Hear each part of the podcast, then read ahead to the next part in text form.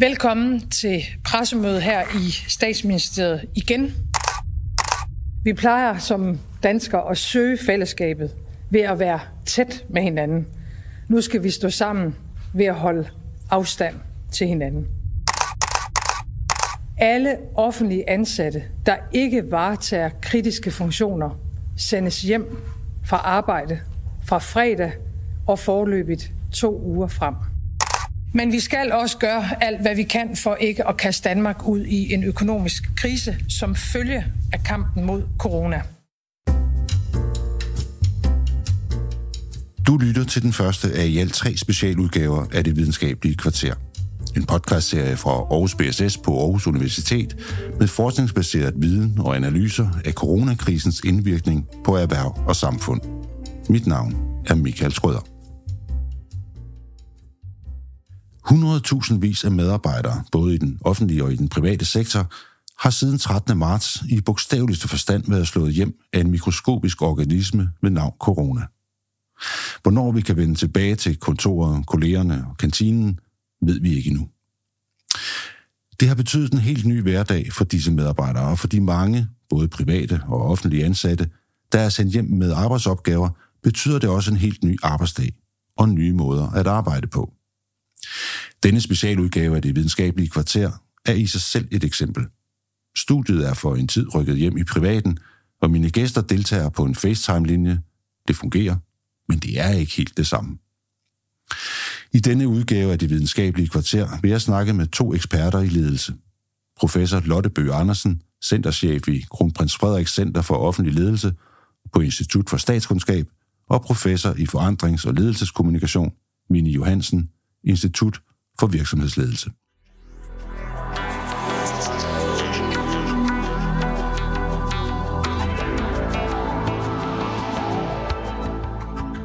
Lotte Bøge Andersen, hvad er den vigtigste opgave for en leder at sørge for her i den her coronatid? Det allervigtigste er at sikre, at visionen og dermed målsætninger står knivskarpt. Vi skal stadigvæk skabe værdi for kunden, borgeren og for samfundet. Vi skal stadigvæk øh, sejle skibet præcis hen til den havn, hvor politikerne og ejerne af de private virksomheder har sat os i verden for at sejle hen. Og hvordan gør man det? Visionsledelse er et af de ledelsesgreb, vi ved virker allerbedst. Og øh, det er også meget, meget relevant i den her situation.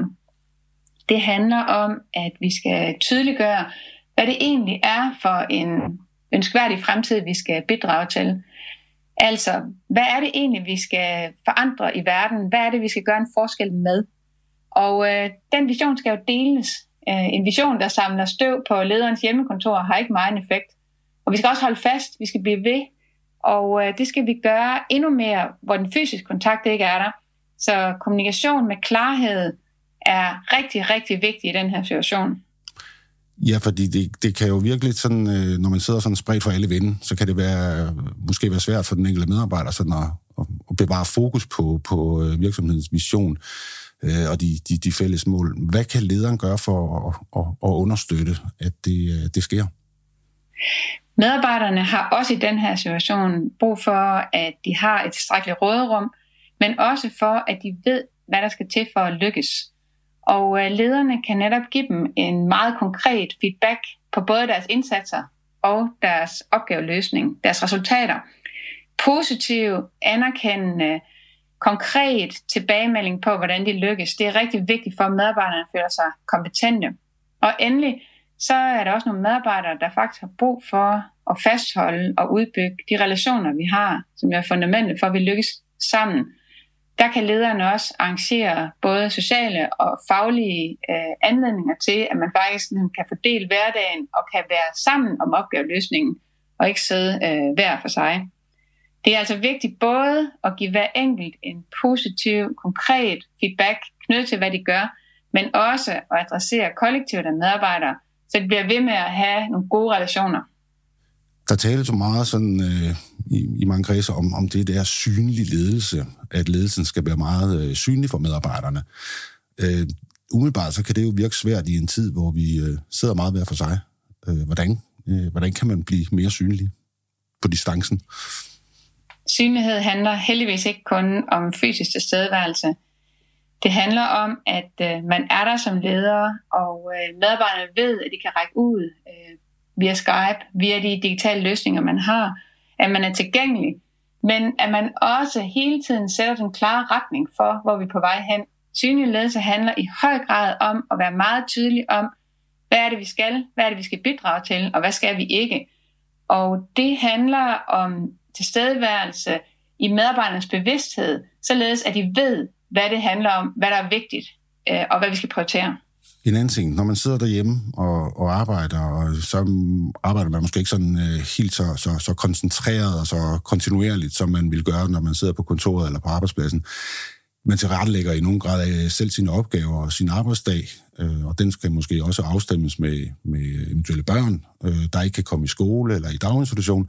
Hvordan sørger man som leder for, at der, er, øh, at der også er plads til øh, den her forvirring eller højere grad af autonomi, som, som øh, en medarbejder faktisk skal brug for?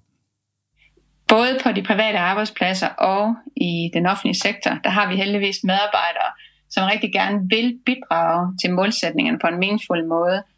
Vi har jo også i forvejen øh, stærke ledere, der kommunikerer, hvad det egentlig handler om. Så mange af medarbejderne ved faktisk godt, øh, hvad det egentlig er, de skal opnå. Øh, så derfor kan vi jo godt have rigtig høj grad af tillid til, at når vi giver dem autonomi, så løser de stadig opgaven. Det kræver dog to ting. For det første, så skal vi fortsætte vores stærke kommunikation af visionen. Vi skal skrue op for hyppigheden. Øh, vi skal kommunikere endnu mere om, hvordan at visionen hænger sammen med de ganske konkrete handlinger derhjemme bag ved computerskærmen. For det andet, så skal vi øh, være meget klare omkring, hvordan at medarbejderne varetager ledelsesopgaver ind i det her. De skal jo i virkeligheden også være med til at lede deres egen udførelse, og nogle gange også koordinere med kollegerne, fordi ellers så kommer lederne i høj grad på overarbejde. Og øhm, det handler faktisk om at gerne vil den arbejde den samme vej, men også hele tiden at vide, at man har en dialog med lederen, hvor man aftaler, hvad er dine beføjelser, hvad er dine ressourcer, hvad er rammerne, også i forhold til tidsplaner.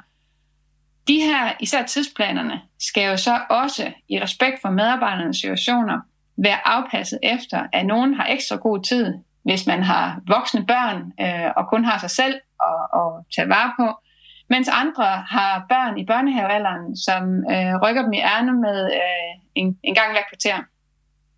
Jeg ved, at I, uh, I opererer med et begreb, uh, ledelsesbegreb, som hedder distribueret ledelse. Uh, kan, uh, kan det bruges her, og, og hvis ja, kan du så ikke prøve at forklare lidt, hvad, hvad, hvad distribueret ledelse går ud på? Distribueret ledelse er, når at flere, typisk ledere og medarbejdere, deler ledelsesopgaverne. Altså ikke en ledelsesopgave, hop fra min skulder over til din skulder, men derimod, at man varetager ledelsesopgaverne sammen. Øh, det kan jo være øh, vagtplanlægning, øh, for eksempel for de medarbejdere, som, som stadigvæk fremmøder fysisk på arbejdspladserne. Men det kan også være koordination af, hvem gør hvad i en rapportskrivning, som man er flere om. Distribueret ledelse er, når at medarbejderne går ind og løser nogle af de her ledelsesopgaver, hvor at de skaber værdi via andre. For det bliver rigtig godt, så kræver det jo netop en høj grad af afstemthed, altså en enighed om, øh, hvem der varetager processerne, hvad formålet er med dem, og hvad det er for nogle rammer og ressourcer, man har til rådighed i det. Øh, distribueret ledelse er ikke en frelæggelse af ledelsesansvaret, snarere tværtimod. Det er en deling af udøvelsen af ledelsesopgaverne. Kunne man forestille sig, at, øh, at der bliver skruet op for blusset i øh, distribueret ledelse, både her øh, under øh, coronakrisen, hvor vi, hvor vi arbejder hver for sig, eller, eller ikke er fysisk sammen, og måske også i tiden efter? Mine samtaler med især offentlige ledere peger meget stærkt på, at det allerede er sket, øh, og at de øh, formelle ledere påtager sig opgaven med at klemme medarbejderne på til det øh, igennem en, en hyppigere sparring. Når vi for eksempel kigger på folkeskoleområdet, så har lærerne jo gjort en enorm indsats i at omforme undervisningen til at foregå digitalt. Og det skal selvfølgelig stadigvæk koordineres mellem de enkelte fag. Øh, og der er det min oplevelse, baseret på snakke med lederne selv, at, ledere, leder, at, at både ledere og medarbejdere egentlig er trådt ind i den her opgave. Medarbejderne der påtager sig nogle opgaver, der i højere grad har karakter af ledelse, altså resultatskabelse via andre, frem for kun selv, men at lederne også understøtter det ved at stå til rådighed for dialog, ved, som vi talte om før, at være synlig øh, for øh, sparring og for feedback. Du var lidt inde på det øh, lidt tidligere, men øh, lederen, hun, øh, hun eller han er jo, øh, er jo ofte den, som er den centrale person i en afdeling eller på en arbejdsplads. Hvordan sørger øh, lederen så også for, at afdelingen øh, eller arbejdspladsen ikke smuldrer socialt og kollegialt øh, i den her tid? Det er jo et fælles ansvar øh, for ledere og medarbejdere, fordi vi har alle sammen et behov for at have meningsfulde relationer. Og øh, jeg vil gerne opfordre til, at man prioriterer både øh, faglige anledninger til at være sammen og sociale anledninger til at, have billede på møderne, så man faktisk kan se hinanden. Typisk vil det være godt at mødes hyppigere, men kortere. Fordi at så får man en fokuseret erfaringsudveksling, Hvordan håndterer man den anderledes måde at løse opgaverne på? Det er øh, ofte nyttigt, at lederen selv deltager, også som rollemodel, men lederen behøver ikke være den, som laver alle arrangementerne. Det kan jo i virkeligheden også give ejerskab hos medarbejderne, apropos snakken om distribueret ledelse, hvis at nogle af medarbejderne påtager sig et ledelsesansvar for i virkeligheden at sikre øh, den sociale øh, sammenhæng i den her øh, situation.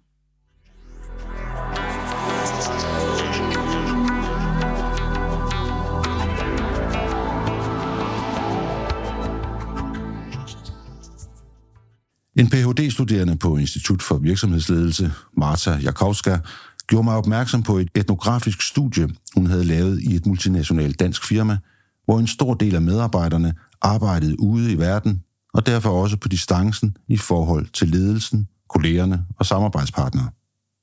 Marta Jakowska har især to pointer og gode råd til lytterne af denne podcast. Lav regler og kodex for, hvordan online-møder skal foregå. Det er ikke nok blot at have muligheden for online-møder. For eksempel at slå kameraet til, men at slukke for mikrofonen, når man ikke selv taler. På et tidspunkt vil disse regler og kodex være så indarbejdet, at et online-møde vil føles næsten som et almindeligt fysisk møde. Og råd nummer to. Sørg for at holde uformelle virtuelle møder. Drik en kop kaffe sammen via Skype eller andre virtuelle mødesteder. Man må ikke undervurdere værdien af den snak og de sociale og kollegiale fællesskaber, der normalt foregår ved kaffemaskinen eller andre uformelle mødesteder.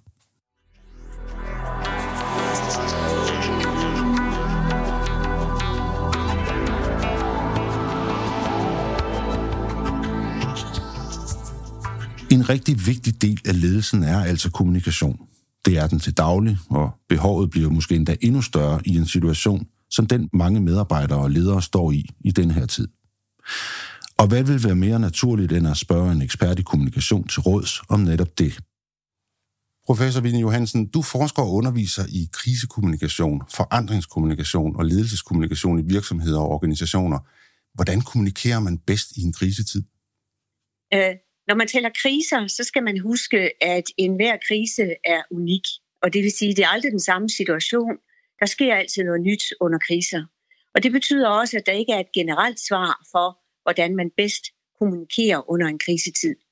Men ikke desto mindre, så er der nogle ting, som man i hvert fald kan tage med, når man går ind og kigger på den specifikke krise og den kontekst, man befinder sig i, når den løber af staten.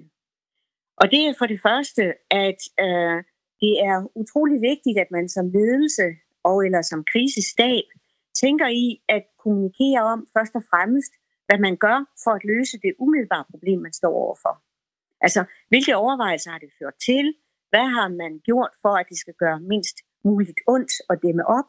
Og så frem for alt, hvad skal folk gøre, hvis man ønsker, at medarbejdere øh, skal ændre adfærd? Jamen, hvad er det så, de skal gøre, og hvordan kan man hjælpe dem til selv at gøre det, der er det rigtige. Så hvis vi her tænker coronakrisen, så handler det altså om at hjælpe folk til at finde ud af, hvad de selv kan gøre for at hjælpe sig selv under krisen. Så det er den ene ting. Det andet, som er utrolig vigtigt, det er at kommunikere specifikt med henblik på meningskollaps og reaktioner. Fordi en krise er en farlig tid for mennesker og for medarbejdere. Og der sker ofte det, at man oplever som individ det, vi kalder for en kosmologisk episode. Det vil sige, at hele den rationelle orden, vi er vant til fra, dag, fra dagligdagen, den bryder totalt sammen. Øh, og vi kan simpelthen ikke forstå, hvad det er, der foregår, og frem for alt, hvordan vi kan løse det. Øh, og kommer man ud for sådan en episode, så er der det, vi kalder for et meningskollaps. Og det kan kommunikation bidrage til at genoprette. Og her skal man altså lytte til reaktioner, øh, men man skal frem for alt også udtrykke empati og forståelse for de følelsesmæssige reaktioner. Så altså udover at give instrukser, som jeg lige omtalte, er det altså også vigtigt, at man udtrykker empati og taler til de følelsesmæssige reaktioner. Det har nemlig en tendens til at gøre det lettere for folk at komme igennem en krise. Og endelig for det tredje, øh, så skal man huske at kommunikere med henblik på, at vi kunne kalde det kontekstualisere og forklare den eksterne kommunikation, som man foretager som virksomhed. Øh, fordi reaktionerne fra omgivelserne påvirker. Så det er vigtigt for eksempel at forklare og fortolke og udlægge for medarbejdere de reaktioner, man får fra kunder, fra borgere, fra offentligheden. Og også fra for eksempel medierne, mediedækningen. Hvorfor siger vi det, vi siger i medierne? Hvorfor lader vi medierne skrive det, de gør? Hvorfor fortæller vi ikke vores side af sagen? Det er tit sådan nogle spørgsmål, man bliver mødt med som leder af sine medarbejdere. Øh, og tænker man medarbejdere, og det er så lige det sidste punkt, jeg gerne vil have med her, øh, der er det vigtigt at lytte aktivt og skabe mest muligt interaktion. Fordi det er jo ikke ledelsen alene, der kommunikerer under en krise. Medarbejderne er meget aktive medkommunikatører. Og de er jo øvrigt også eksperter på deres områder og kan bidrage til at løse specifikke problemer. Så det er altså vigtigt at indtænke medarbejdernes kommunikation i en krisetid også. Nu kan man jo sige, at den her krise er jo ikke en, der er opstået i virksomhederne eller i organisationerne. Det er en, der er blevet påført dem udefra.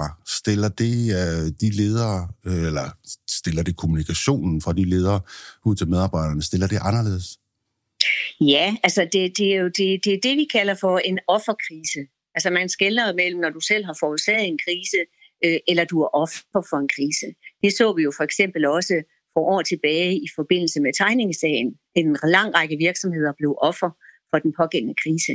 Øh, men det betyder, at der er en vis velvillighed blandt medarbejderne for, at det er øh, ikke selvforskyldt. Men det, der bliver vigtigt øh, alligevel, og som er ens for alle, det er, at det bliver selve krisehåndteringen, der bliver det, der bliver kigget på. Altså, hvordan håndterer vi så krisen? Altså, en ting er, hvad der har forårsaget den. Noget andet er, hvordan vi så rent faktisk håndterer den. Og der bliver man altså som ledelse bedømt på, hvor god man er til så at håndtere den pågældende krise. Og herunder, der betyder kommunikation ekstremt meget. Hvorfor betyder øh, kommunikation lige, øh, eller lige nok kommunikation, hvorfor betyder det så meget? Fordi vi mangler øh, forståelse for, hvad det er, der foregår. Øh, vi forsøger, som mennesker forsøger man altid, når man bliver udsat for noget negativt, at komme med en forklaring. Øh, og typisk så, så har vi spontant øh, forklaringer på, hvad det er, der sker. Øh, og det betyder jo, at hvis man vil have folk til at forstå, hvor man selv placerer sig som organisation, jamen så er det vigtigt at få kommunikeret og forklaret, hvad det er, man gør, hvorfor man gør det, man gør, øh, og hvad det reelt kommer til at betyde for de enkelte. For ellers så overlader man det til øh, folks egne fortolkninger, og de kan sørme gå i rigtig mange forskellige retninger. Et vigtigt element i, uh, i intern kommunikation, det er jo det, som man uh, populært kalder linjekommunikation uh, især i, uh, i større organisationer. Og, og linjekommunikation, det er jo der, uh, altså, hvor typisk ledelsesbeslutninger trænger sådan hele vejen ned igennem de forskellige ledelseslag, for så til sidst at blive kommunikeret ud til medarbejderne. Kan man sige noget om, hvordan linjekommunikationen har det generelt sådan i krisetider, eller når en virksomhed er, er, er ramt af en krise? Ja, altså øh, man kan sige, at, at øh, linjekommunikationen fungerer ikke nødvendigvis på samme måde. Øh, dog er det vigtigt her at understrege, at den kommunikationskultur, den måde, man kommunikerede på, før en krise bryder ud, vil også sætte sin spor, når man så kommer i en krise. Så hvis man har haft god linjekommunikation, og det har fungeret, så er der også en chance for, at det vil fungere under en krise. Men det, der kommer til, og som er nyt, øh, når vi taler kriser, det er, at typisk så skal topledelse og mellemledelse træde til på en og samme tid. Så det går ikke ned gennem linjen, man kører parallelt. Og hertil kommer jo, at man har aktiveret typisk i hvert fald en krisestab. Og en krisestab øh, består jo af folk fra forskellige stabsfunktioner, som også er medkommunikatører. Øh, så det vil sige, at det kræver en anden form for koordinering af den interne kommunikation, end blot at tænke i ren linjekommunikation. Hvad er den største udfordring for dig at se øh, for lederne, når de skal kommunikere med deres medarbejdere i, i den situation, som de fleste står i i dag? Ja, altså på, på, på indholdssiden er det at, at få skabt mening og få skabt klarhed om, hvad det er, man gør selv. Øh, og det er jo utrolig svært, fordi øh, det er en usikker situation, og man er som leder selv usikker på, øh, hvad vej det går, fordi man netop ikke selv styrer helt øh, de tiltag, der foretages. Altså i det her tilfælde er det jo regeringen, der har dikteret øh, nedlukning af Danmark, og dermed også sat dagsordenen for, hvordan virksomhederne skal handle. Øh, men det andet, som er det vigtige, øh, og som er en af de udfordringer, det er at få skabt resiliens. Altså at få genvundet troen på, at man i egen virksomhed nok skal komme igennem det her. Altså få skabt lidt optimisme øh, og lidt energi, så man som samlet gruppe ledere og medarbejdere kan, kan stå det her imod. Hvordan kan man så opfylde det her behov som, øh, som, som leder? Altså, øh, hvad, er det, de, hvad er det, man konkret kan gøre? Ja, altså igen, hvis vi tænker i kommunikation, så skal man jo være der. Man skal være synlig. Øh, og det kan man jo så spørge sig selv om, hvordan gør man det, øh, hvis medarbejderne sidder derhjemme øh, og ikke kommer fysisk ind på arbejdspladsen. Øh, og der kan man jo gribe til øh, forskellige kommunikationsveje, men det er i hvert fald vigtigt, at man får kommunikeret, og at man kommunikerer ofte og konstant opdaterer i forhold til, hvad man gør. Øh, så e-mail er jo nok en af de øh, funktioner, som mange virksomhedsledere benytter sig af, og, og det er jo godt til, til information. Så vil man også gerne have face-to-face møder, og dem kunne man jo med fint med fordel lave online. Men her skal man altså huske på, at meget store møder, øh, hvad enten det er online eller det er fysisk, hvor man stiller sig op på ølkassen og fortæller som topleder, øh, et stormøde er ikke nødvendigvis det samme som en egentlig diskussionsforum. Et stormøde får typisk sådan en karakter af envejskommunikation. Det bliver igen lederen eller ledelsen eller krisestaben, der informerer. Fordi når man er mange til stede, er der jo altså desværre, kan man sige, en vis tendens til, at medarbejderne holder sig tilbage, er tavse og ikke får stillet de spørgsmål, de gerne vil stille. Så vi skal altså ind og tænke kommunikation nyt, mindre grupper, måske gå på lidt oftere, måske inddrage med, hvad hedder det, øhm, mellemledere lidt mere. Og så skal man tænke på, at der, hvor medarbejdere typisk søger information, det er faktisk hos kolleger og hos hinanden. Så hvordan kan man få tænkt den, øh, hvad skal man sige, den horisontale kommunikation, det der sker imellem afdelinger og imellem folk fra forskellige afdelinger, ind i sådan en online situation.